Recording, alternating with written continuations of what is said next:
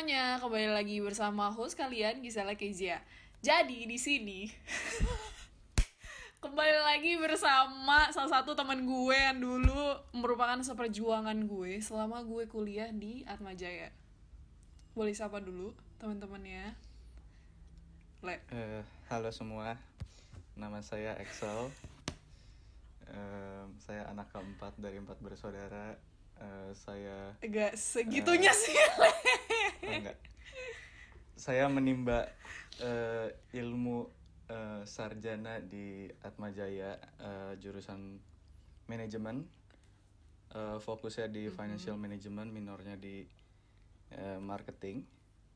Eh, sekarang saya di Belanda eh, lagi eh, studi di Utrecht University eh, ngambil jurusan international management focusingnya ke eh, multinational eh, companies. Ya. Keren deh, keren. Oke, itu intronya ya. Terus gue mau nanya, emang lo dari awal pengen S2 atau lo hmm, pengen karir?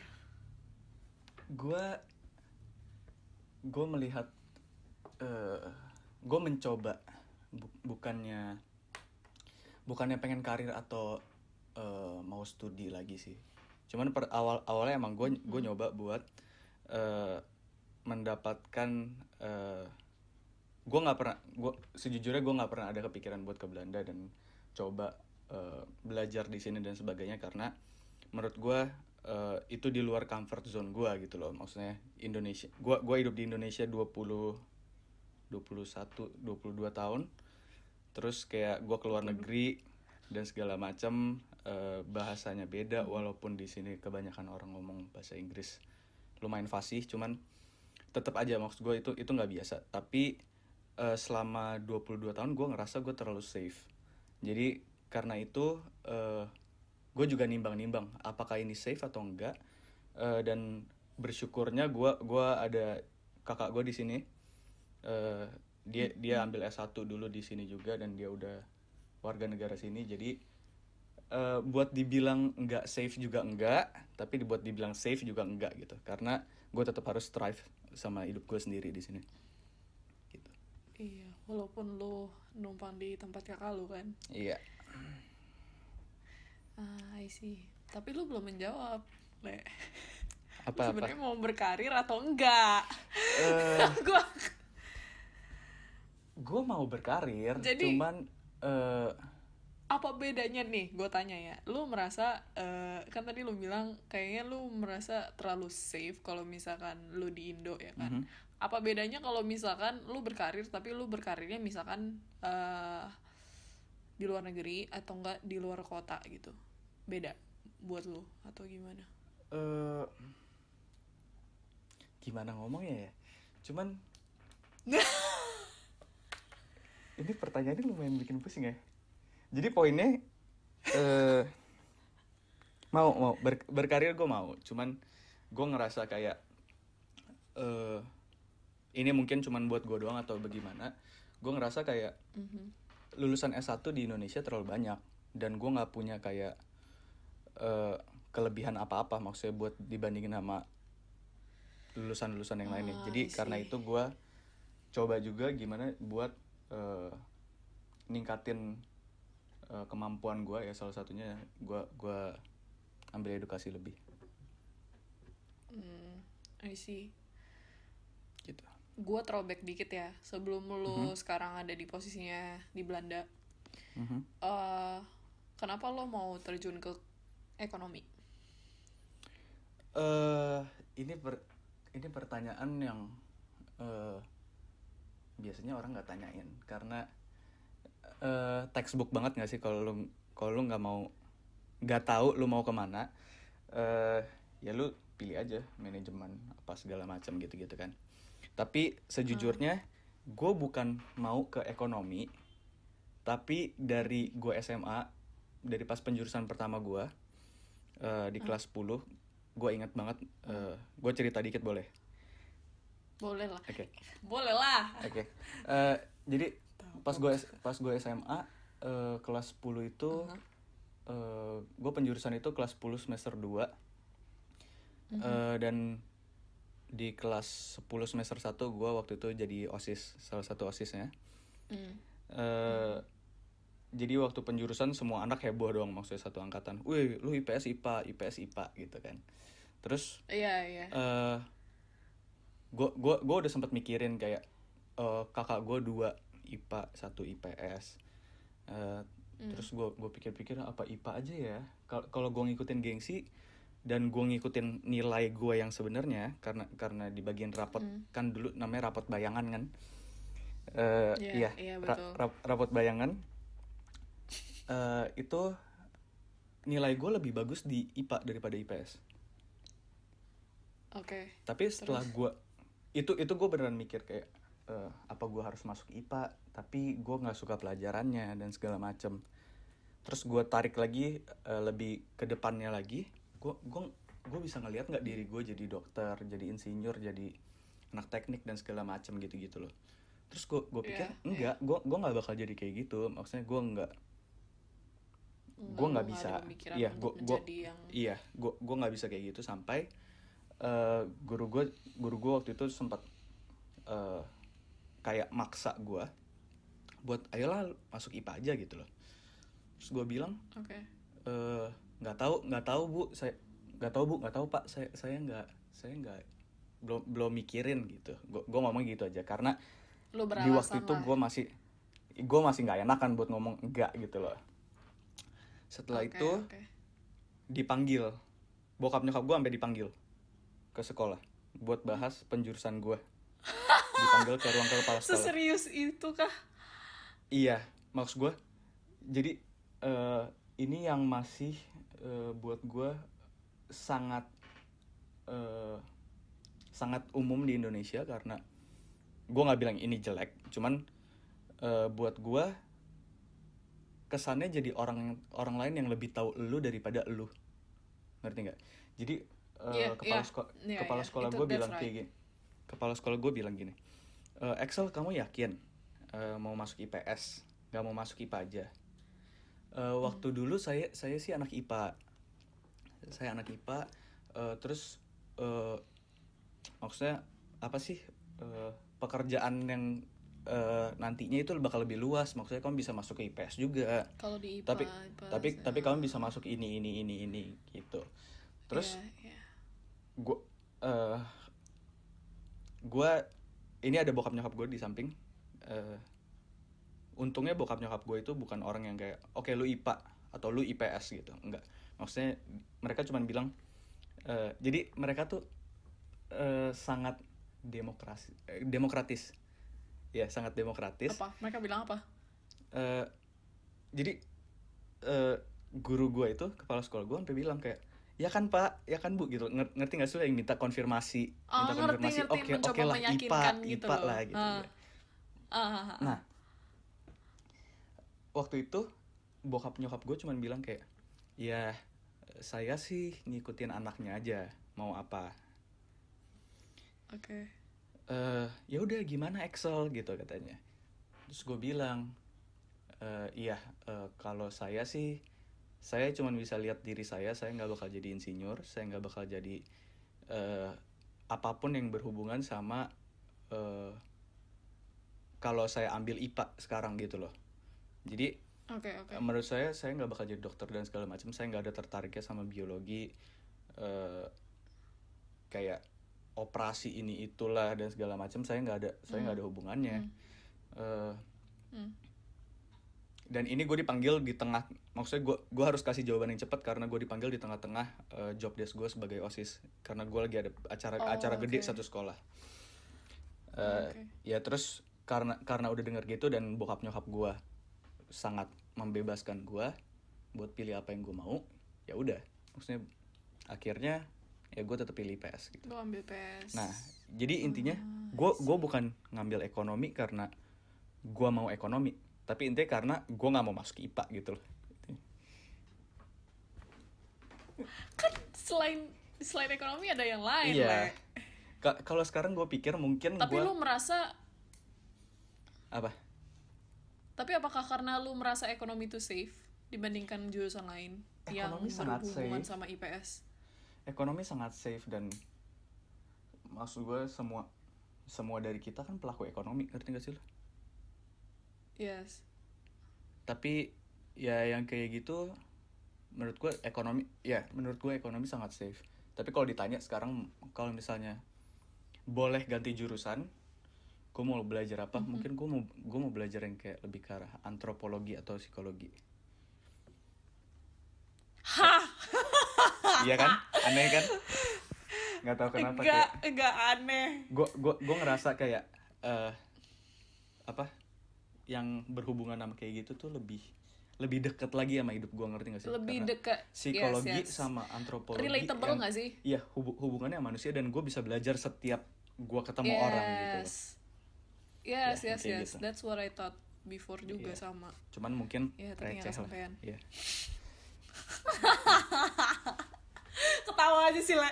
Le. Ya? Oke. Em, tapi dulu waktu lu S1 gue memperlihatkan track record lo bahwa lo juga sibuk dengan hal lain gitu loh selain kuliah ya kan? Photoshoot and so on and so on. Mhm. itu emang lu udah kerjain dari dulu atau Eh, awal only hobby or what? Gue gue sebenarnya gue gue ada dengar juga di beberapa eh, di salah satu podcast lu ada yang bilang dia mau jadi aktor dan segala macam Eh, gue gue cukup relate. Gue cukup relate karena kalau dia oh dia sumpah? dia dia baru nyadar ter- terakhirnya eh yang ini juga juga cerita bisa dibilang cerita goblok lah ya. Gue gue gue ceritain awalnya gue gue ceritain awalnya dulu. Eh, jadi gue dulu gue pas SD gue eh, a- sekolah gue kayak kerjasama sama satu yayasan. Yayasan ini dia kayak yayasan media dan segala macam gue gue nggak usah sebut namanya. Bukannya sekolah kita emang sekolah kita dulu emang dari dulu yayasannya emang yang yang pas perdampingan tahu Iya, eh, oh bukan, itu kan itu kan sekolah gue pas SMA. Sekolah gue pas SD kan beda. oh iya iya S Nah. SD oh oke Ya, sekolah gue pas SD eh, ya lumayan lumayan punya hubungan gitu lah sama sama media. Nah, Hmm. terus eh, media ini dia punya eh, kayak acara-acara yang kayak sekolah gue dulu Kristen banget, sangat Kristen. oke Eh, dia ini kalau eh, bahasa bahasanya tuh dulu mereka suka bikin kayak video-video tentang kesaksian jadi kayak Oh, gimana orang oke, gimana oke. orang tobat dan ini itu segala macam nah Iya, iya, iya. biasanya hal-hal kayak gini misalnya dia ada ceritanya eh, iya dulu pas kecil eh, dia sebagai anak diperlakukan kayak gini sama bapaknya atau dia pernah mengalami ke- kekerasan fisik atau kekerasan apa segala macam gitu nah gua waktu waktu itu eh, itu yayasan kayak ngadain kayak mini casting di sekolah gua.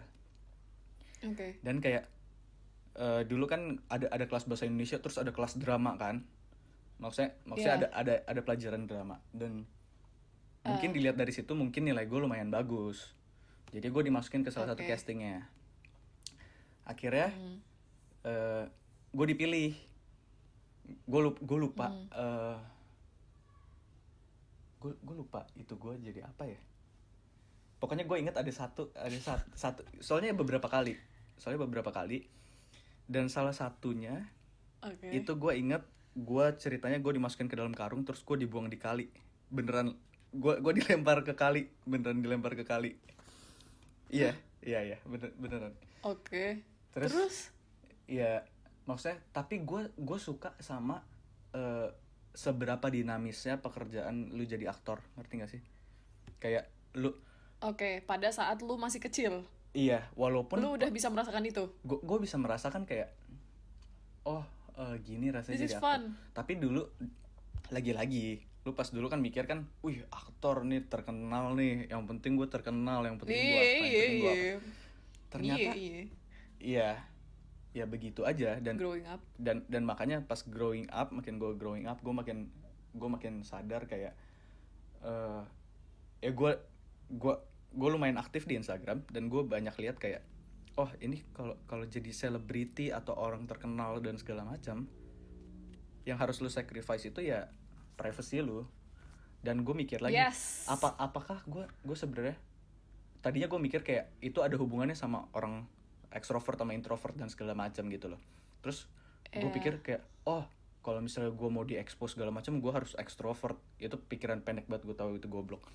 Eh, tapi itu yang itu yang waktu waktu dulu gue pikirin. Terus gue gue pikir kayak Oke, oke. kayaknya nggak ada hubungan deh. Dan dan ternyata gue in- introvert kayaknya gue nggak bisa gue nggak bisa survive kalau misalnya kayak misalnya nih gue terkenal terus tiba-tiba di jalan ada yang minta foto dan segala macam kayaknya gue gue bukan bakal jadi pribadi yang baik buat nolaknya gitu loh. Eh, lu lu pada eh, lu udah bisa membayangkan kayak gua kayaknya nggak akan nyaman gitu loh kalau hidup seperti itu gitu. iya. Eh, kalau kalau mungkin punya privacy yang sangat baik gue gua gua oke banget maksudnya. Gue gue suka gitu loh. Apalagi yang kayak eh, situasi komedi yang kayak acara-acara acara-acara yang kayak gitu loh Eh. karena gue gua nggak su- nggak- Eh. gua nggak gitu suka yang kayak terlalu serius dan gimana karena beban banget buat lu jadi aktor buat mencapai eh, sesuatu yang hmm.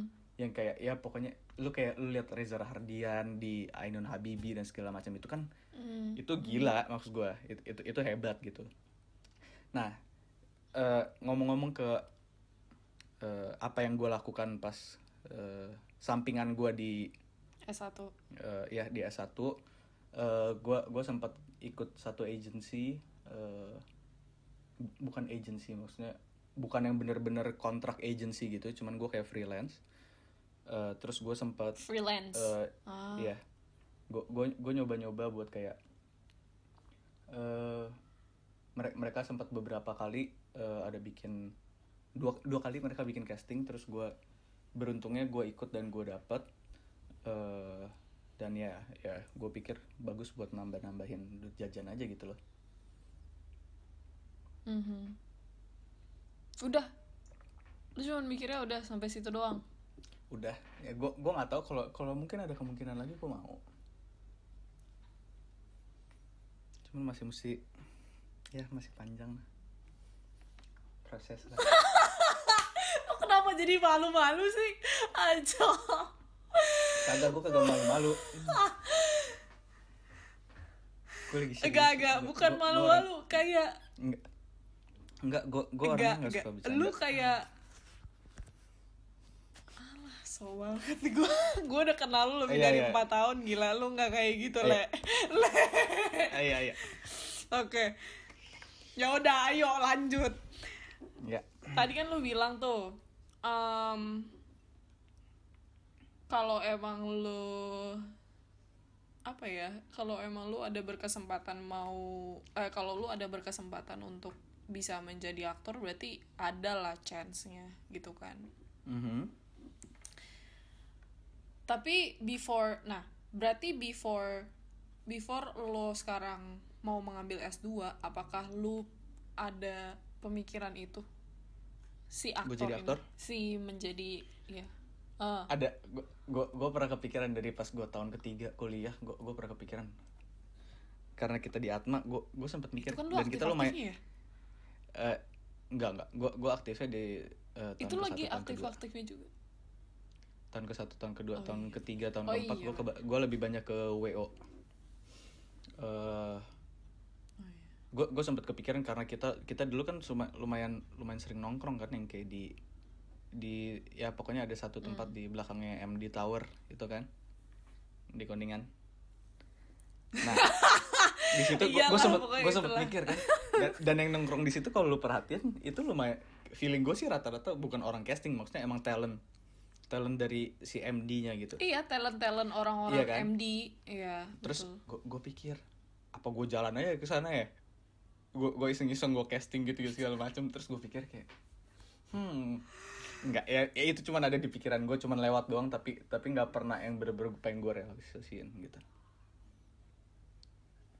Ah I see. Mhm. I see I see. Berarti your heart masih ada ada harapan ke sana sih? Ada.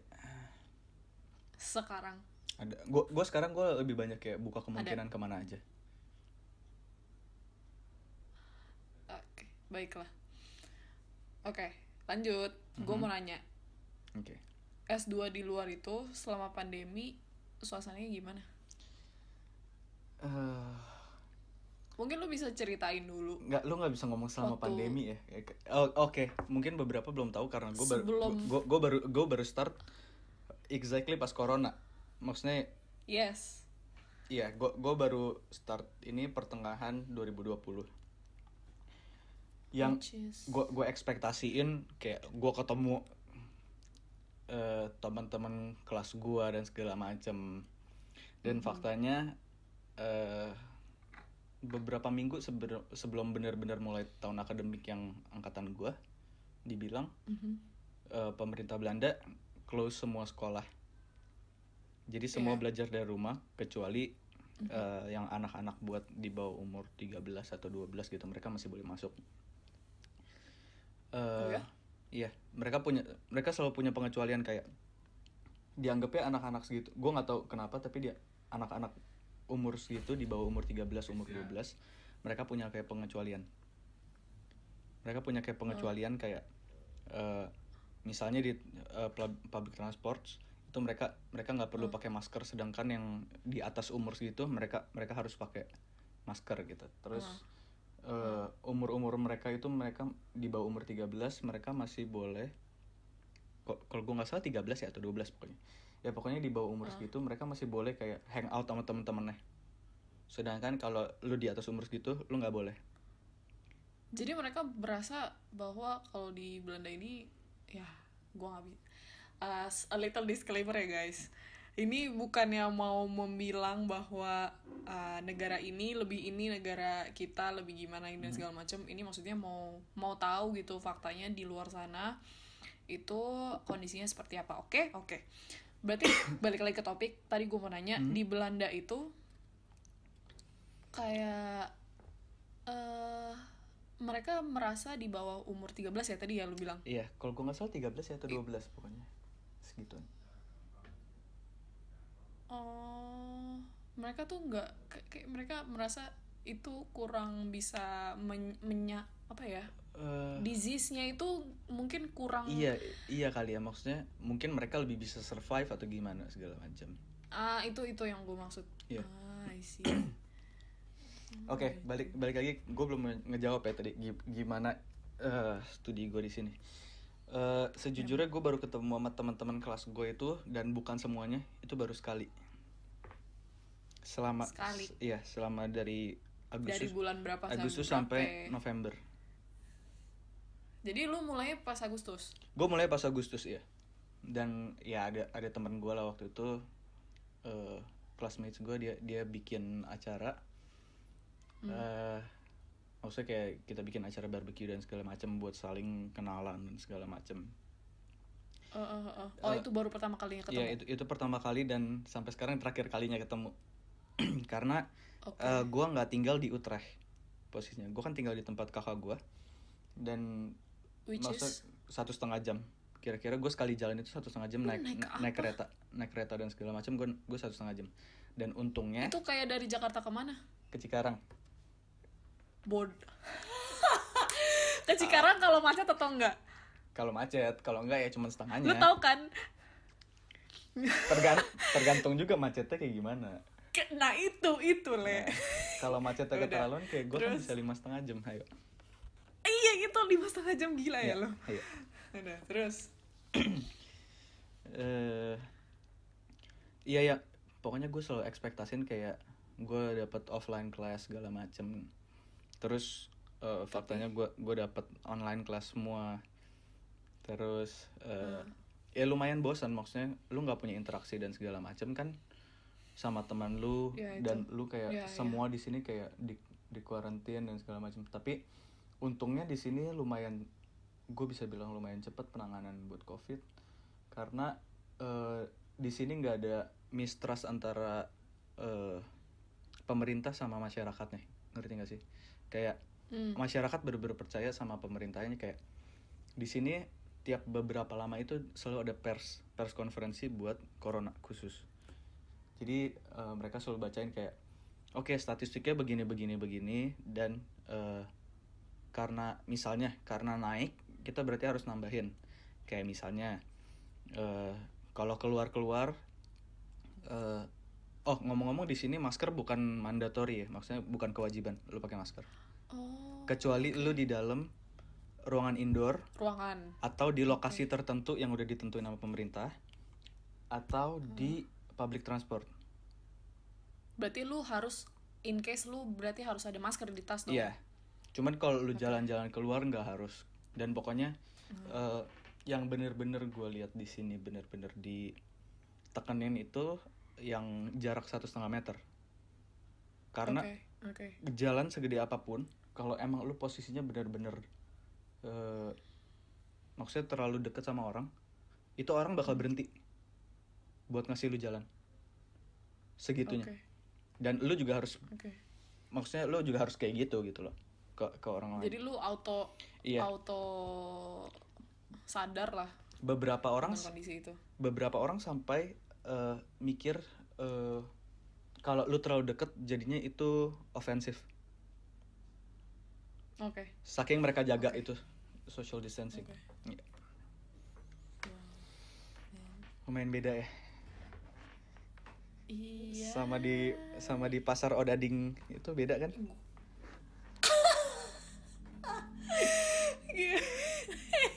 Kan? Iya. Bener. Mhm. Iya le.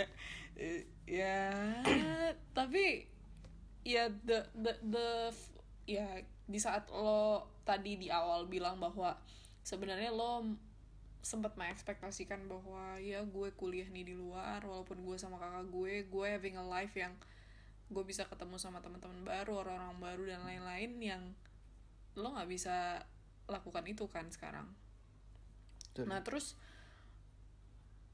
lo lo kenapa lo kenapa mau ambil S2 di luar? Kenapa nggak di Indo gitu? Maksud gue why why choosing outside Indonesia? Emang yang masih alasan yang tadi lo merasa karena Indonesia tuh masih safe zone kayak gitu atau gimana? itu juga tapi gue juga mau nyari experi- experience juga gitu loh di di luar karena Oke.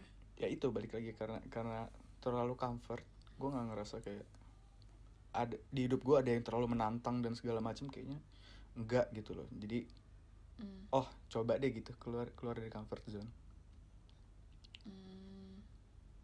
Jadi lu lu ma- lu mengira bahwa sekarang itu bagian dari luar comfort zone lu? Dengan yang kayak begini sekarang? gue mengharapkan iya tapi faktanya nggak begitu atau mungkin gue udah terbiasa sekarang gue nggak tahu Eh, Atau mungkin karena lagi pandemi ini Iya. yang ngebuat lu harus karantina di dalam rumah Iya. dan nggak bertemu siapa-siapa dan betul ya udah ketemu sama kakak lu gitu. Iya, cuman gue gue sempat mau cari kerja di sini. Gue gue mau, maksudnya bukan sempat mau, gue masih mau. eh cuman eh kemarin itu gue harus eh, punya kayak residence card. eh Kalau misalnya nandain kalau gue student dan segala macam. Di hari Emang itu sekarang lu belum dapet? udah udah gue udah dapet gue udah, gue udah dapet misalnya nih Oke. gue ingat pokoknya itu hari Selasa beberapa minggu lalu gue gue gue punya jadwal eh, harus ngambil itu kartu jam 11 Hmm. gue dapet kan? Karena itu kayak semacam kayak tanda kalau misalnya lu boleh kerja di sini walaupun eh, nanti eh, employer lu harus tetap ngurusin kayak surat-surat buat ke ya pokoknya ke pihak Belanda gitu. Kayak oke nih anak kerja di sini segala macam terus kan ada batasan-batasannya kalau buat lu student lu lu cuma boleh kerja berapa jam gitu segala macam Oh iya iya. Iya itu maksudnya di sini kan semua harus jelas karena harus ada hitam putih segala macam pajak harus jelas. Oke. Nah pas gue dapet kartu itu gue seneng dong gue pulang. Gue pulang Terus? kayak jam 5 sore gitu gue nyampe rumah. Jam 7 sore eh jam 7 sore jam 7 malam ada pers.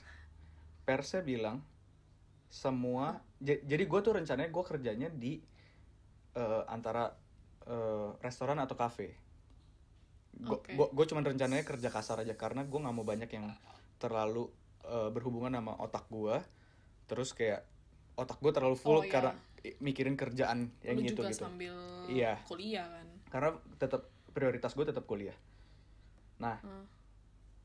jadi karena gue pikiran kerja kasar antara eh, restoran atau kafe nah jam 7 malam Oke. ada pers corona.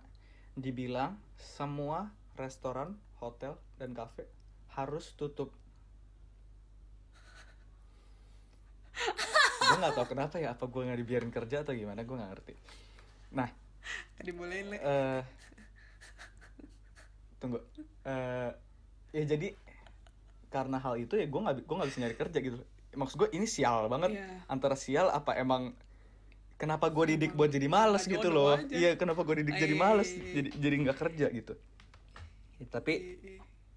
eh, ya gue masih sambil nyari-nyari dan segala macem jadi eh, tutup bukan dalam arti nggak boleh sama sekali tapi dine in semua tutup kalau lu mau eh, pick up sama delivery order masih bisa gitu di sana tuh semacam ada kayak online grab food or go food kayak ada gitu ada? Uber Eats ada cuman Oh, cuman di sini oke. kayaknya terlalu mahal deh. Maksud gue rata-rata orang sini oh iyalah.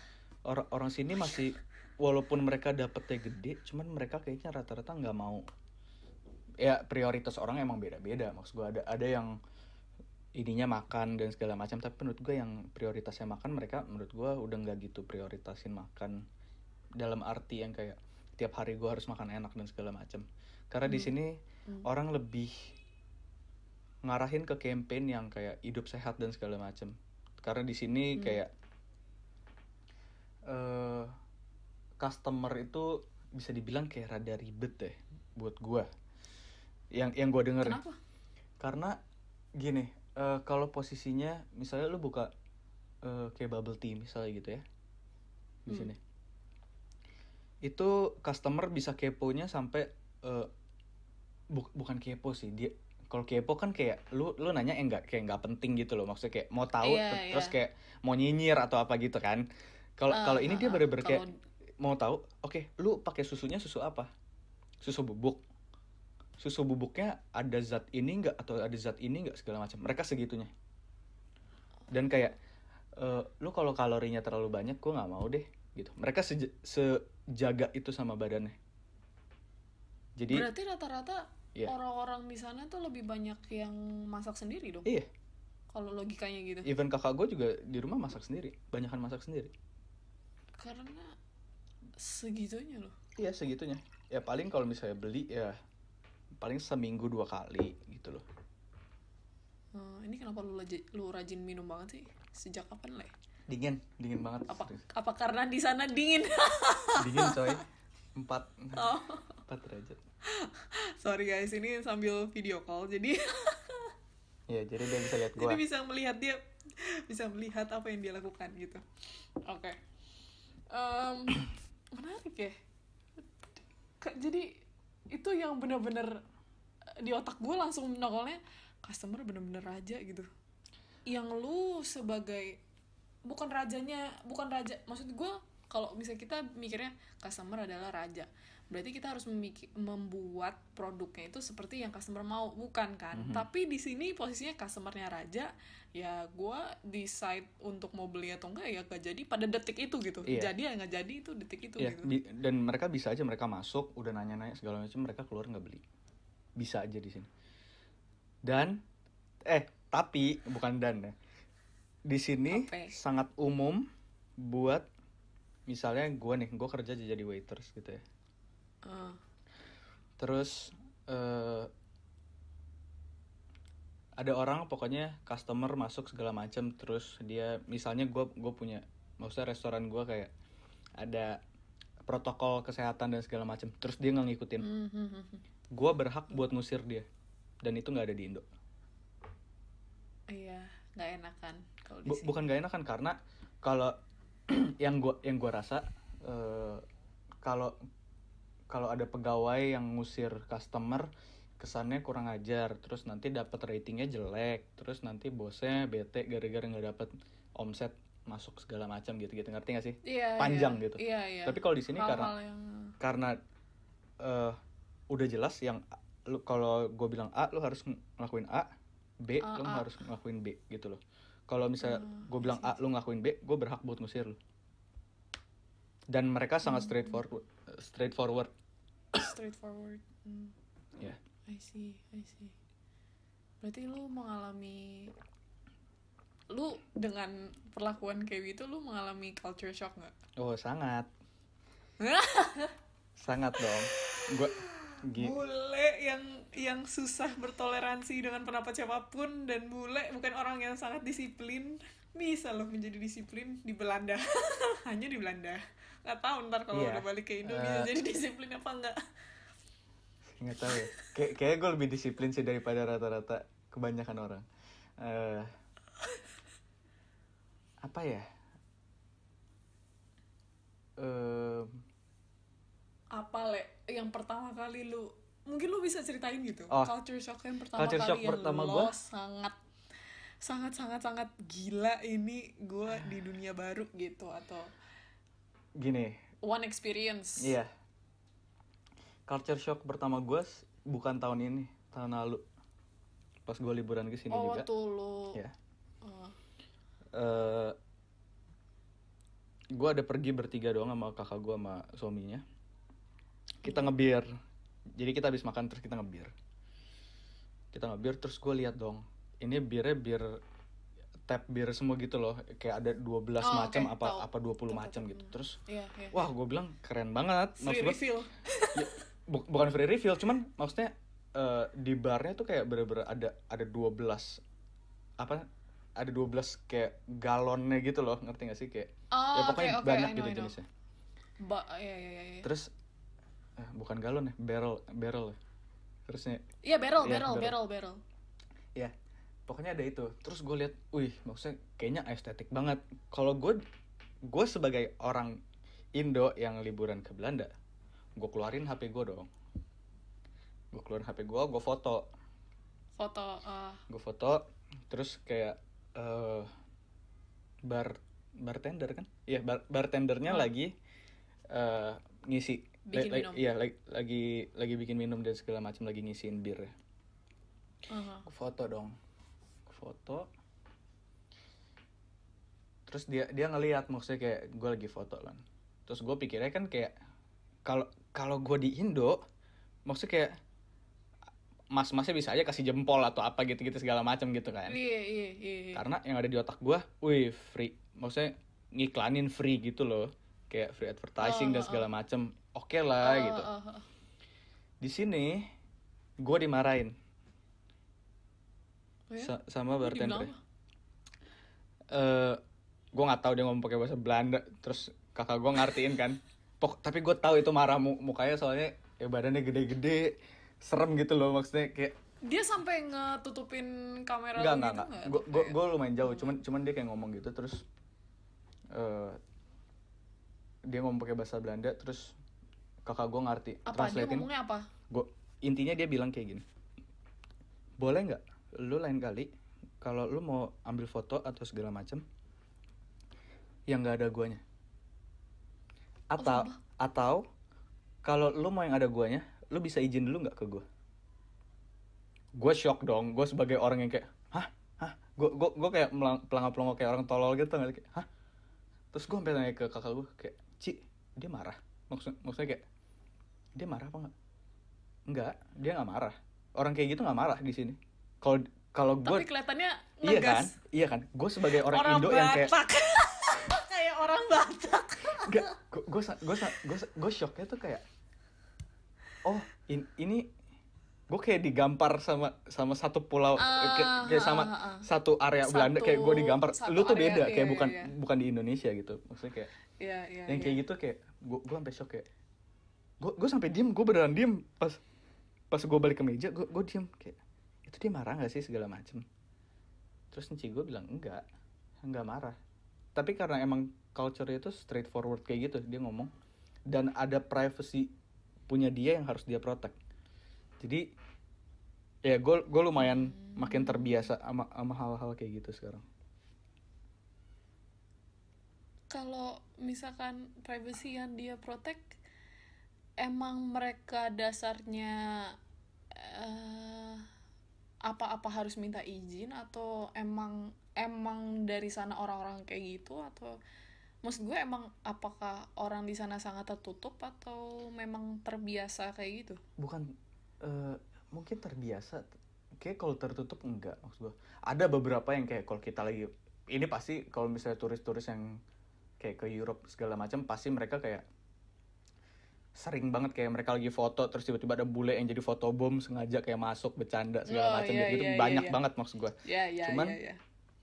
eh kalau posisinya kayak gini eh jadi yang gue tahu di mindset mereka itu oke gue datang buat kerja gue mulai misalnya gue mulai jam 7 gue kelar jam 2 ya berarti gue cuma mau gue kerja jam 7 kelar jam 2 nggak ada lebih nggak ada kurang. Nggak ada servis lebih nggak ada servis kurang jadi Oke. standarnya tuh jelas gitu loh. Dan oke oke. dengan cara gua yang waktu itu gua asal foto segala macam mereka nggak ngerasa mereka itu bagian dari job desknya mereka gitu loh. Ngerti nggak sih? Kayak gua nggak mau juga lu lu post post muka gua dan segala macam gitu gitu ya ya ya ya gua nggak kenal sama lu dan sebagainya gitu. Gue juga masih masih masih belajar lah maksudnya kayak hubungan sama orang-orang kayak gitu tapi rata-rata orang-orang di sana kayak gitu atau Eh beberapa kali ya gue nggak bisa generalisir semuanya karena oh oke berarti beberapa dan lu yang harus bisa menilai sendiri Iya. Ya kalau enggak, kalau lu mau aman ya udah tanya aja. Gue boleh foto atau enggak?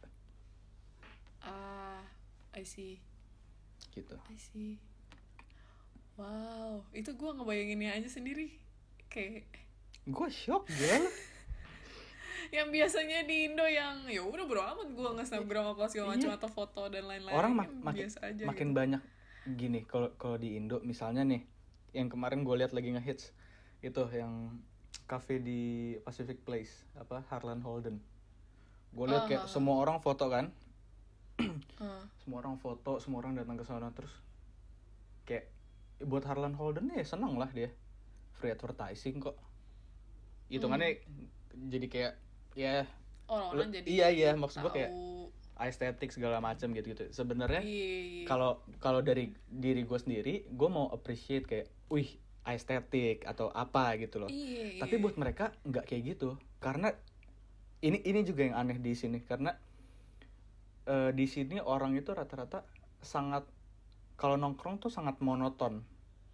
Dalam arti kayak biasanya kalau misalnya lu tetap tahan di quality segini gitu lu nggak perlu kayak inovasi yang kayak gimana gimana banget itu orang bakal tetap datang ke tempat lu. Maksudnya loyal customernya juga loyal. Jadi dia nggak ibaratnya gue nggak perlu customer gitu. Oke oke. Bisa Iya. gitu ya? Aneh kan? Bisa gitu. Itu kayak digampar gue gue gak kebayang gue kalau coba tinggal di sana gimana? Iya, jujur gue sampai bingung. Ya gue kan kayak agak gue udah terlanjur masuk ah gimana? gila itu belajar banget untuk bisa memposisikan diri gak sih? Iya. Cuk.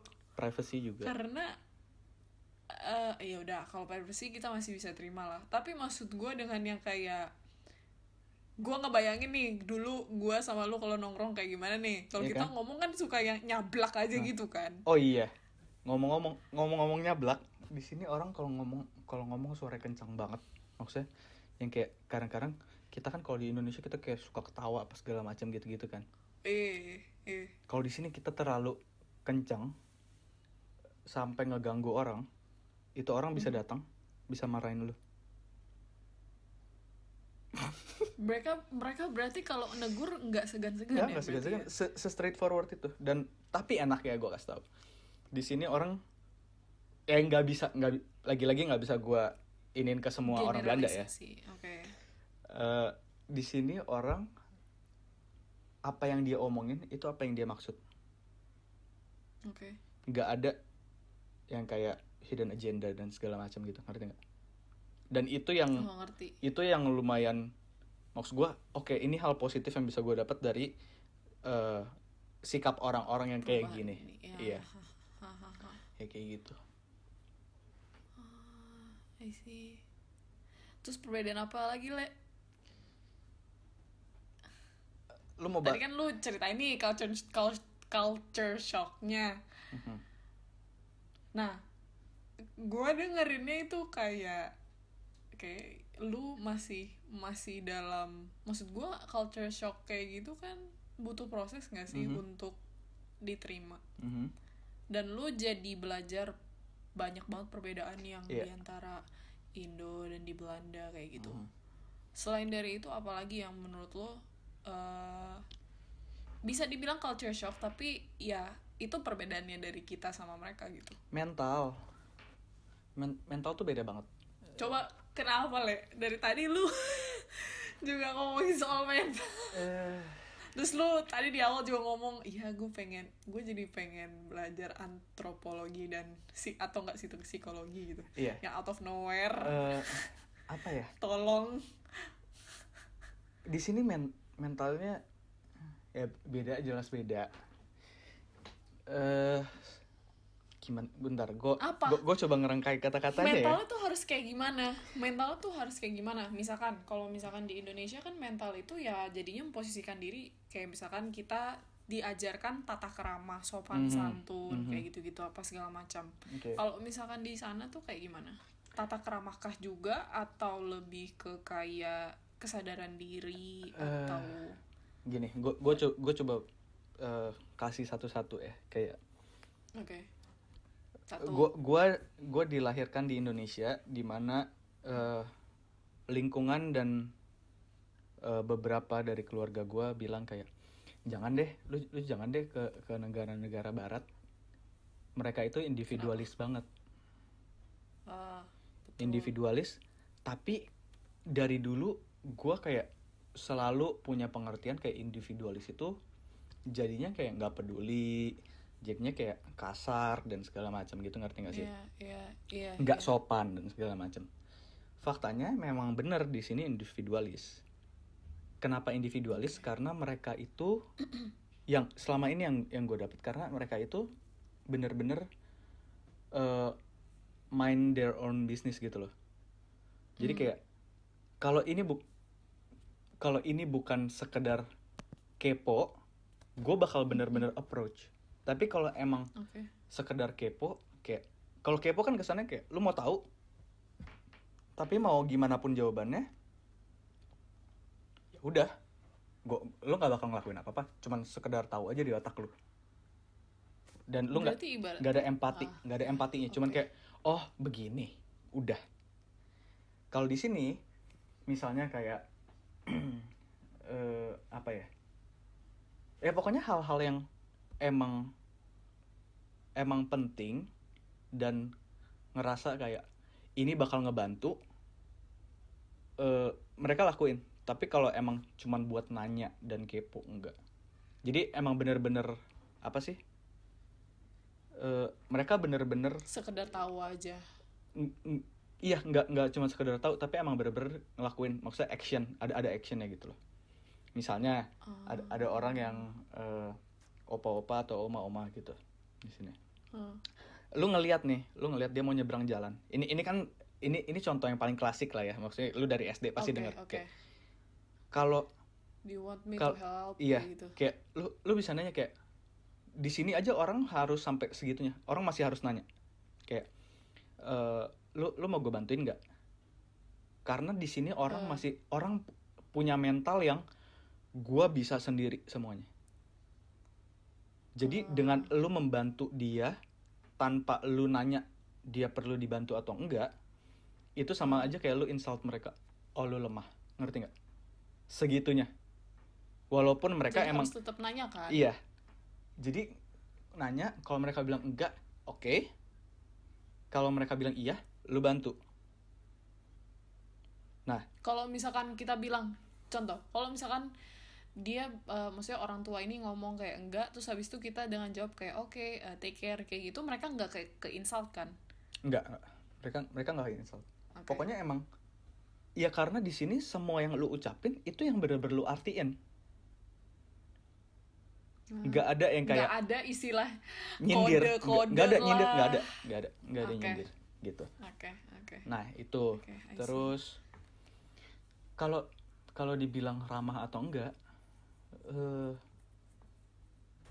di sini punya kultur kayak lu ketemu orang yang nggak kenal lu di jalan tapi misalnya lu sama-sama ngeliat satu sama lain Aha, lu lu nyapa. Aha, walaupun nggak kenal. Oke. ya lu bayangin kalau kalau gue bawa kultur ini ke Indo aneh banget dong. Misalnya kayak Iya. gue lihat siapa gue nggak kenal hai gue bilang gitu kan creepy banget nih orang gitu loh Aneh. Iya, iya. iya creepy dan aneh gitu loh maksudnya kayak lu siapa gitu Iya. nah Ah, ah, ah, terus kalau maksud gue tapi itu kalau misal lu tanya ramah atau enggak itu ramah betul. dan enggak sama kayak yang individualistis yang kayak gue pikirin yang gue secara nggak langsung kayak di brainstorming di Indonesia dulu hmm, hmm. terus di sini eh gue kasih tau hal-hal kecilnya aja kayak misalnya eh, lu mau lewat satu- lagi? lu lu mau lewat pintu mau, mau lewat pintu nih misalnya lu di mana Ah. gitu yang pintunya otomatis ketutup Ah. kalau lu tahu ada orang di belakang lu lu harus tahanin sampai Mau itu orang lewat dia semuda, setua, atau Iya. seumuran, Iya. sampai dia gendernya beda, gendernya Iya. sama. ya jadi di sini kan lu karena di sini semuanya equality gitu maksudnya kayak di sini nggak ada yang kayak oh entar entar, ntar gue berangkat ke situ. Eh, Oke. ya pokoknya kayak kayak pintu. Gue harus tahanin pintu sampai eh, ada eh, atau orang di belakang gue sampai dia megang pintu juga. Maksudnya pokoknya dia nggak nggak ke slam sama pintunya. Gitu loh. Oke. Antara gue tahanin atau kalau mereka mereka punya kesadaran ya Oh. mereka juga tahan. Jadi gue bisa jalan duluan. Gitu. Oke. terus Terus? equality. Yang tadi. Mental equality. Eh gue di sini gue ngelihat eh kalau di Indonesia oke cowok. Cowok eh, s- pokoknya belanja nih cowok yang bawa pokoknya Oke. yang berat-berat yang physical related gitu pokoknya cowok di sini enggak oke. kayak cowok sama cewek lu belanja sama aja. ya lu bawa gak ada kayak jadi di sini cowok nggak masalah kalau ceweknya yang bawa Oke. ceweknya yang bawa barang cowoknya yang jalan aja nggak nggak bawa nggak bawa barang Iya. Iya, dan iya, iya. itu yang gue juga masih nggak biasa karena gue sering belanja kayak grocery sama enci gue dan itu lumayan berat gitu loh. Terus kayak gue kebiasaan buat kayak oke gue yang ambil tapi itu itu bukan mereka di sini gitu. Bahkan cici lu udah termasuk eh, ini gue tanya maksud gue cici lu udah juga termasuk dalam karakter yang sudah terbentuk di Belanda berarti ya? Iya dia udah dari 2009 di sini. Udah 11 tahun. Iya dia udah kebentuk berarti ya? Betul. Ah, I see. Gitu loh. Terus apa lagi?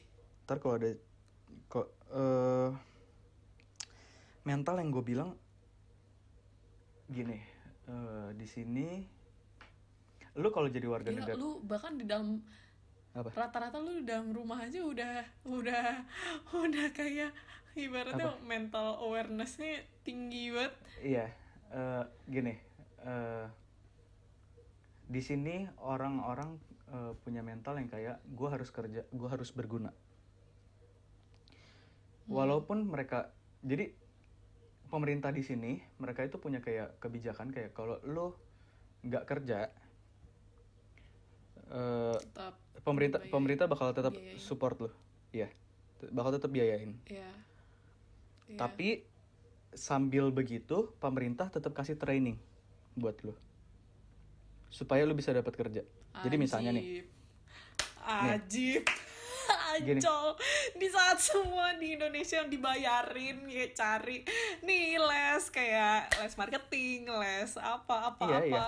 kayak ini pemerintah kayak gini dan Eh. itu menurut gue yang salah satu sangat gue setuju sih. Aduh gue potong-potong sorry banget ya. Kalau soal Tenang, itu ya le gue sangat sangat sangat salut dan sangat sangat suka banget sistem itu. Karena itu nggak kayak ibaratnya memonopoli bisnis gitu loh ibaratnya. Iya. Dan hal-hal kayak gitu kan seharusnya gratis gitu. Edukasi tuh Iya. gratis gitu loh. Gue nggak tahu di sini edukasi gratis atau enggak tapi yang jelas mereka lebih protek lah. buat orang dalamnya mereka lebih protek buat orang dalam orang dalam negara sendiri. Oke orang terus Belandanya originally gitu ya? Iya warga negara. Oke. Terus tadi tadi gue ngomong apa? Yang eh oh. Iya di training. Iya, di training. eh di training mereka itu karena mereka punya mental yang kayak gua harus berguna dan segala macem. Jadi orang di sini tuh mereka kayak nggak kebanyakan mereka nggak betah kayak diem di rumah, ngerti gak sih? Jadi seberapa susahnya lu harus tahu eh, kayak bikin orang Belanda di rumah. Maksudnya kayak mereka tuh sangat aktif buat keluar dan segala macem dan ya tapi posisinya mereka tetap nurut gitu loh kayak kalau lu disuruh di rumah lu bakal Oke. lu Ya, lu, lu tetap di rumah rumah gitu oke Iya. Nah eh karena mereka mau berguna jadi mereka bakal tetap nyari. Walaupun yang disupport sama pemerintah itu lebih kecil. Jadi itu bagusnya karena pemerintah nggak kasih kayak UMR-nya tapi pemerintah kasih kayak dua per tiga dari UMR gitu loh. Ya kalau lu mau dapat hidup yang lebih baik oke. ya lu kerja gitu. Hmm. terus Logik mental ya mental lagi yang gue perhatiin eh sustainable kayaknya. Sustainable sama yang kayak beber karena hitungannya negara maju mereka punya beberapa yang eh, sangat mereka udah hidupin gitu. Kayak mental illness di sini bukan hal yang aneh. Kayak dulu kalau gue di Indo kayak lu denger kayak eh ada orang ke psikiater. Lu langsung punya judgement kayak gila. Nih, nih orang gila nih orang gila nih orang sakit jiwa. Hmm, gitu kayak. sakit. Hubung hubungannya langsung kayak oh nih or yang ada di otak lu langsung nih orang Something harus genetic, tinggal di rumah ya. sakit jiwa. Sakit, padahal ya. pak ya pada padahal faktanya gue gue percaya pasti hampir setiap orang itu punya kayak penyakitnya sendiri. Punya mental health sendiri. Iya. Hmm. nah di sini tuh sangat di embrace buat eh, campaign-campaign kayak buat mental health gitu. Karena gue bisa sadar karena kampus gue itu sampai eh, karena dia sadar eh, international student dan segala macem nggak punya siapa-siapa di sini. Dia sampai bikin kayak satu newsletter via email. Dia kayak nanya lu lu kabar lu gimana Eh, apa lu punya eh, keluhan nggak segala macam karena mereka punya Issue. studi. Hmm. mereka mereka pernah research kayak eh, international student itu mereka kayak punya eh, 60 atau 70 persen chance lebih tinggi daripada eh, anak-anak yang domestik buat kena eh, kayak oke. ya mental illness. Maksudnya kayak berhubungan sama kayak gini-gini gitu loh. Maksudnya kayak karantina dan segala Oke, macam oke gitu loh. Yang kayak gitu-gitu sangat maksudnya mereka sangat perhatian dan mereka dan di sini bukan hal yang tabu gitu maksudnya kayak lu punya masalah. Ya mental that's good gitu. Bahkan ya. lo pasti masih sering ngeliatin IG di Indo kan yang sekarang baru-baru aja mental health tuh jadi tren tapi Mhm. tren yang salah gitu.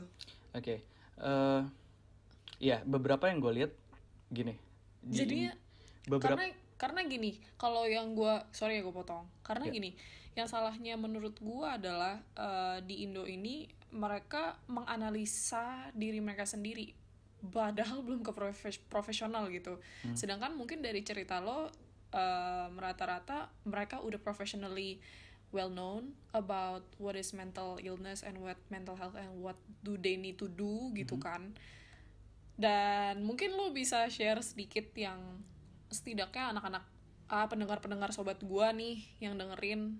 Mhm. kalau misalkan mereka udah ngerasa something about their mental lo bisa kasih tips gitu yang lo alamin selama di Belanda. Tuh lo ngapain gitu? Eh gue di sini tuh belum sebenarnya belum ada treatment atau segala macam. Maksudnya kayak eh gue kayak cerita segala macam. Untungnya karena di sini gue punya kakak gue jadi kayak Hmm.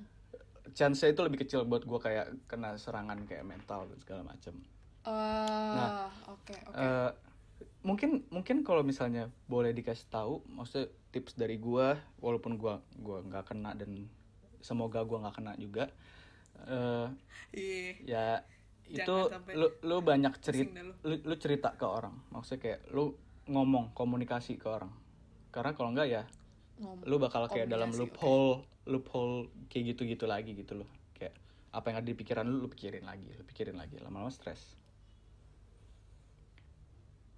Tapi eh, kalau misalkan gua bicara tentang eh, komunikasi gitu, menurut lu eh, komunikasi yang baik itu sama orang itu lebih baik sama yang lebih mendengarkan, they lend their ears atau lo juga mengharapkan masukan, tergantung gue bilang mengharapkan ya? Iya, Jadi iya, iya, eh, gini, ada beberapa orang yang mereka cerita, mereka minta mereka minta pendapat lu. Tapi pas mereka udah minta pendapat lu, yang mereka lakuin kebalikannya. Karena emang Iya. otaknya bego aja. It, it, it- itu kan yang paling yang paling rese gitu. Dan itu berulang-ulang. Biasanya itu nggak cuma sekali. Kayak itu diulang-ulang kayak gue pernah baca ini kalau nggak salah ada ada ada meme gitu sebutannya asshole. Buat orang-orang kayak gini. Jadi kayak ya yang buat asshole asshole ini ya mendingan kayak ya lu nggak usah minta lu nggak usah minta pendapat gitu. Tapi kalau emang lu beberapa orang kadang-kadang emang cuman butuh buat didengerin nggak butuh buat mereka tahu mereka tahu apa yang mereka bakal lakuin tapi mereka cuman butuh orang buat dengerin nah lu harus tahu ya Didengerin. pintar-pinteran aja buat buat apa ya buat posisi sendiri. ya posisi sendiri tunggu sebelum lanjut gue boleh pipis gak Ancol ya boleh.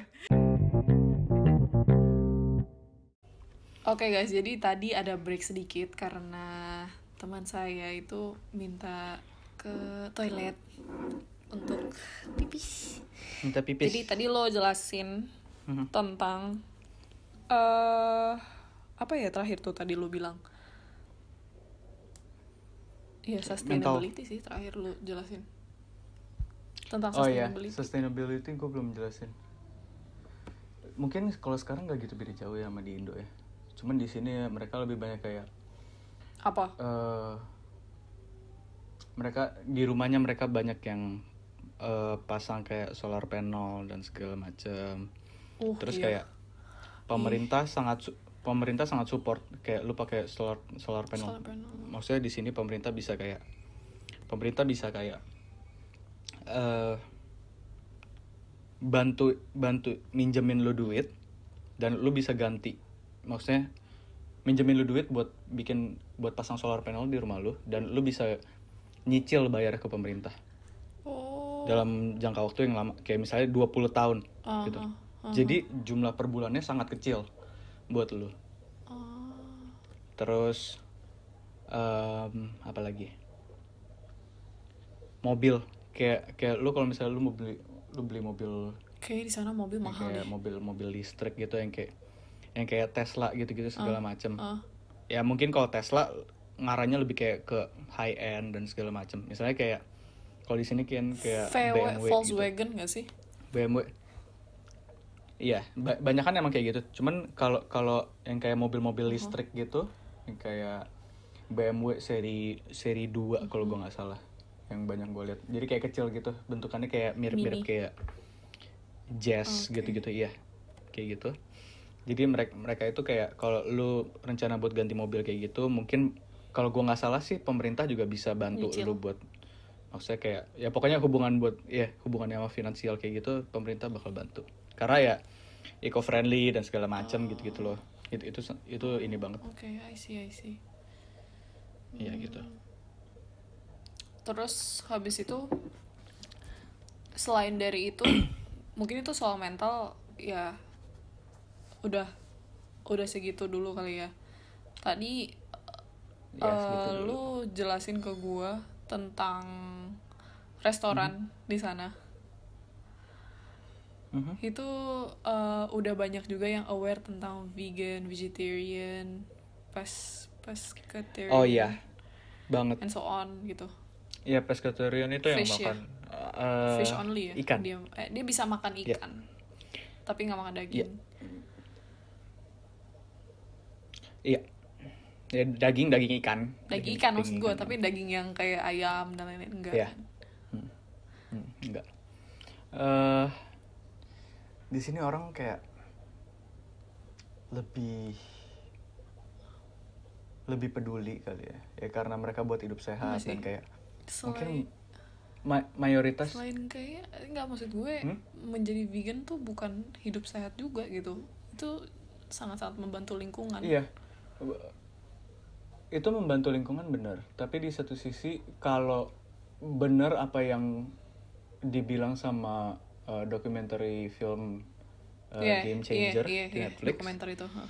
Mere- mere- mereka juga bilang kayak uh, itu ba- lebih bagus buat badan lo karena uh, kalau lo makan daging sebenarnya itu kan mereka kan cuma jadi kayak media doang buat Protein. ngambil uh, nutrisi-nutrisi dari daging Iya, da- dari eh, tumbuhan yang mereka makan. Jadi sebenarnya kalau yang gue tonton, eh, yang gue bener-bener ngeh, mereka, mereka bilang kayak, eh, misalnya lu makan sapi, terus sapi eh, makan rumput atau makan tanaman, makanannya gitulah. oke Terus proteinnya dia misalnya 6 gram, misalnya 6 gram yang sapi makan dari si rumput. Nah, kalau lu makan sapi, lu cuma dapat seper enamnya. Jadi lu cuma dapat satu gram ya. Dan menurut gua kayak, ya kalau kayak gitu kenapa kenapa gua harus ngambil Daging. dari eh iya gitu. Cuman kan kita kan emang harus lu akuin gua gua gua nggak bisa bohong Daging juga maksudnya enak. kayak daging itu rasanya ja- Iya. rasanya jauh lebih enak. iya. Dude, Cuman itu nggak bisa di yang elak. yang bikin iya iya yang yang bikin lu mikir itu bakal lebih ke arah kesehatan karena kayak daging yang kayak kalau ini semuanya yang gue ngomongin berdasarkan film Oke. Game Changer ya Eh, dibilang kayak kalau lu makan yang kayak daging-dagingan dan segala macem itu dampaknya lebih jelek buat Iya, badan lu kayak dari darah maksudnya ke salur Hmm. saluran darah terus kayak kemungkinan buat penumpukan lemak di eh, saluran darah juga. Apa sih? Kok kok saluran darah? Apa sih peredaran darah? Apa sih bahasanya? Peredaran darah. Iya. Ya Bahasa peredaran Indonesianya darah, udah mulai kayak ya pokoknya kayak gitu. Enggak enggak. Gue gue belum cuman kayak gue gue harus ya dia susah coy. Nia udah mulai menjadi orang asing no. Iya sih emang susah. I mean lo sendiri Enggak. bahkan udah belajar menjadi eh, bukan menjadi belajar bahasa Belanda gak sih? Gue belajar eh gue belajar bukan kayak bener-bener yang kayak gue ikut kelas segala macem. Gue belajar dari kakak gue sama suaminya. Jadi eh ya buat denger gue lumayan bisa tapi buat ngomong belum. Karena eh, grammar mereka itu rada dibalik-balik bukan Jadi- kayak jadi bahasa. Inggris eh Inggris Indonesia yang SPOK gitu enggak bukan ya makanya lumayan susah I see apalagi apalagi Terus habis itu gue dengar-dengar juga bahwa di Belanda Mhm. itu ganja itu legal. Apakah betul? Mhm. Betul Why? Why? gue nggak tahu gue gue nggak tahu maksudnya awal mula kayak polusi buat Ganja is legal. eh, Oke. ngelegalin ganja tuh gimana cuman yang gue yang gue tahu dan semoga ini valid tolong di cross check lagi Eh, salah satu mereka legalin ganja itu karena buat narik eh, wisatawan Oke. Turis buat datang. Karena ya yang gue dengar kan juga kayak eh, Amsterdam tuh julukannya salah satunya kayak Sin City Oh, ya? gitu. Jadi kayak iya kan kayak ada red light Iya segala sih. macam gitu-gitu. Itu itu kan maksudnya terkenal banget. Jadi kayak ya mungkin itu salah satu buat narik eh, apa turis gitu loh. Dan kalau eh buat gue eh, salah satu ganja susah dilegalin di Indo karena politik Iyalah. pasti menurut gue karena salah satunya kan emang pro-nya orang orang buat ngelegalin ganja itu buat nge- eh, medical medical reason. Tapi buat ngelegalin ganja berarti lo harus secara nggak langsung kayak perang sama eh, perusahaan-perusahaan farmasi. Betul. Dan kalau yang gua kalau yang gua bandingin juga gini perusahaan paling kaya di Indonesia perusahaan apa sih? Iya. perusahaan rokok kan? Ya bu, lu buat perang sama perusahaan rokok pasti susah lah. Ya lu pikir aja masa perusahaan rokok bisa beli perusahaan maksudnya bisa beli bank gitu? Bank paling gede di Indonesia. Bank swasta ya kita ngomong bank swasta. Terus kayak ya buat gua pasti adalah kayak konflik-konflik kepentingan. Kayak kalau lu lu jadi pembuat polusinya terus kayak lu dapet tax yang paling gede itu dari rokok terus kayak ya maksud gua kayak bisa aja kayak nggak mungkin gitu loh kayak lu misalnya lu itu kayak bakal ada Iya, trade off ya iya. gitu dan apakah trade offnya se se worth it itu buat ngelegalin ganja atau ya kita nggak tahu Iya sih. Ah, I see. Gue ngedengerin cerita lo aja udah cukup-cukup bisa membayangkan culture shock yang sangat sangat sangat sangat sangat sangat sangat sangat sangat sangat sangat sangat besar. Karena tapi apa? anaknya jadi lebih kebuka lebih Iya. kebuka aja maksudnya sama semua semuanya Iya sih. Tapi what do you miss the most di, eh, di dari Indonesia? Sam sam oh. makanan Kenapa emang di sana makanannya kenapa? Kurang rempah-rempah atau gimana? Gua- Enggak, kalau lu ngomongin rempah-rempah di sini ada banyak makanan kayak Turki, India gitu juga banyak rempah-rempahnya. Tapi- Cuman gua kangen ketoprak ya. Gua kangen ketoprak. Gua kangen pecel pecel lele, pecel ayam. Terus gua apalagi ya? Gua nggak tahu kenapa kayaknya emang micinnya lebih banyak aja di Indo. Jadi kayak lu kalau makan jauh lebih nampol gitu. Ya iyalah. ya teman-teman juga teman-teman juga. Cuman eh yang paling gue kangenin makanan Lu bisa bayangin nggak? Gue lebih kangen makanan daripada keluarga gue Iya lumayan. Lumayan. Agak agak menyebalkan tapi ya karena lu ada kakak lo di situ jadi Iya. lu merasa safe safe aja. Mhm. nggak bener-bener literally yang gue merantau sendiri, gitu loh wajar wajar aja sih menurut gue kalau lu kangennya di sana dibandingkan ya mungkin keluarga nomor dua hmm, I see mungkin Cel mungkin dong. ya. Emang biasanya lu kalau di sana makannya apa, Le? Kalau gua tanya, kakak gue lumayan bisa kalau gua tanya, nah, masak nah masak Indo. bukan. Kalau gua tanya untuk masakan di Belanda yang eh, lo mudah untuk masak di rumah tuh apa? Menu, menu. Indomie gampang Maksud gue, mah, Hmm, enggak enggak kalau kalau di sini mereka kayak industrinya mereka itu kalau dari eh, supermarket supermarketnya mereka kayak punya kayak satu Mm-mm. perusahaan eh gue nggak tau boleh sebut perusahaannya di sini boleh ya udah satu perusahaan. Oke. Oke. Ya, satu perusahaan jadi dia itu kayak eh nyediain semua eh, bahan-bahan baku buat masak. Jadi kayak misalnya lu mau masak apa nih? Dia dia kayak kasih menunya nih. Lu mau masak apa buat berapa orang?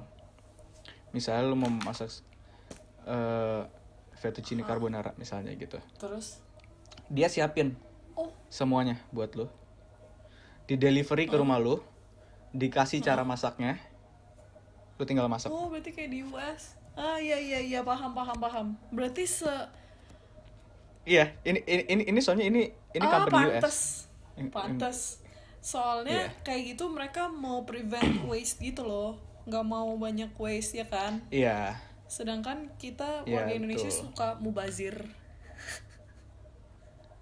Oh, tapi tergantung dulu waste yang maksud lu maksud apa.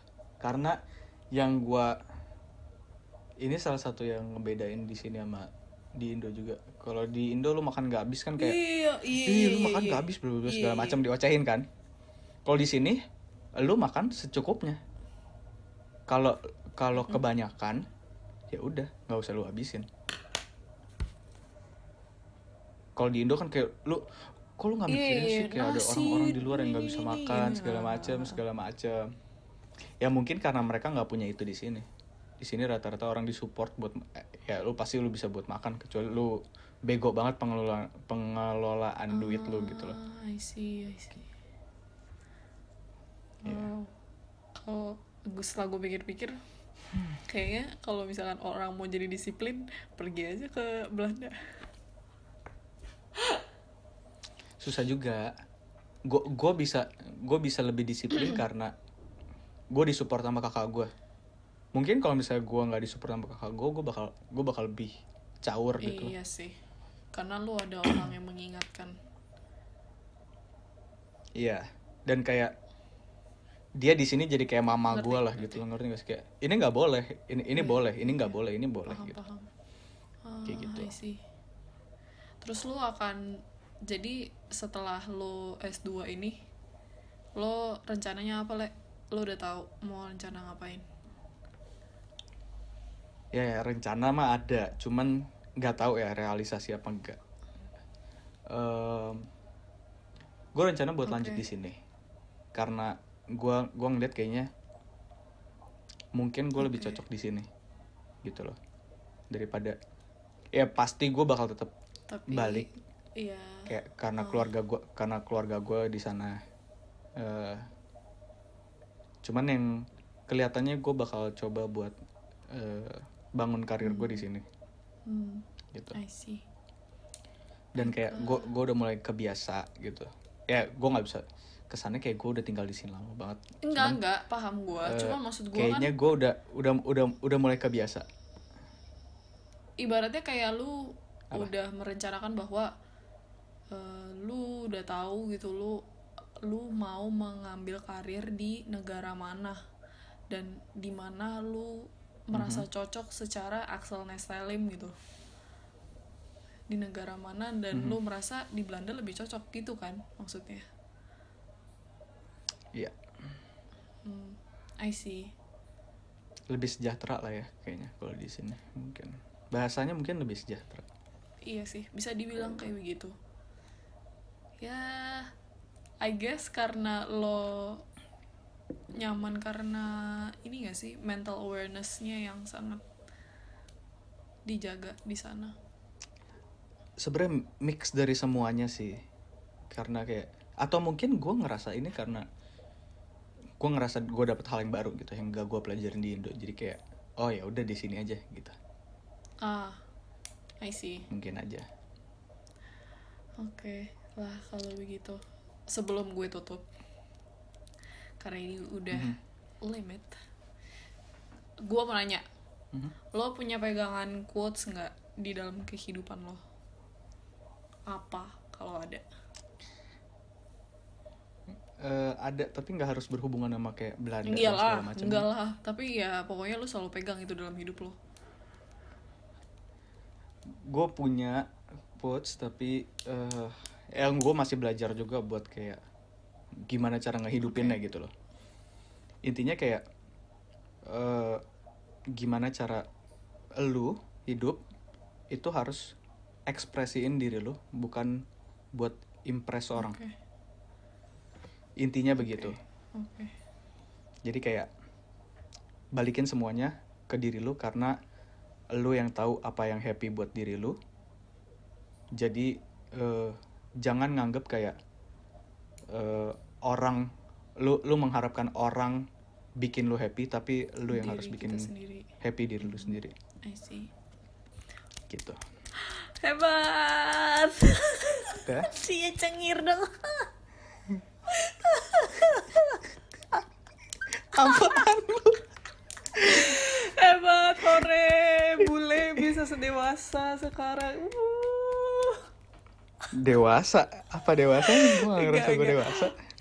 Udah, Childish udah gue. mulai, udah mulai lah, udah mulai lah. Udah mulai, gue bangga, gue bangga. Bangga. Gue aja Iya. bangga sama diri gue sendiri. Gue melihat perubahan-perubahan di dalam conversation ini, gue melihat perubahan-perubahan yang sangat fantastis. Yang gue bangga sebagai salah satu Mhm. teman lo. Bisa loh jadi seseorang yang Bagus. disiplin. Jadi orang. Padahal lu. Ya begitulah teman-teman. Ya sudah kalau begitu kita end this topic. Terima kasih untuk Esel Nastalim yang jauh nan sana Sudah ingin ngobrol-ngobrol di ruang cakap. Menceritakan tentang Ya kehidupan dia selama di Belanda seperti apa. Dan beberapa fact facts about uh, Netherlands. Semoga kalian yang ingin S2 di sana bisa mungkin eh, bertanya-tanya. Atau S1 juga bertanya-tanya dengan Excel Nastalim ya kan? Gitu. Atau ada ya agency-agency Mhm. gitu. Yang ingin merekrut Excel Nastalim Balik lagi. kan nggak tahu ya jodoh pekerjaan dan jodoh lain-lain ke mana gitu Mhm. le oke Gitu. oke thank you again le jadi Mhm. Ya buat semuanya semoga dapat insight-nya apa yang yang buruknya Oke, dibuang. Oke, betul sekali. Jadi gue Gisela Keja, your host, pamit dan Excel Nastalim. oke, pamit. bye bye semuanya. Stay healthy and stay Bye-bye. positive.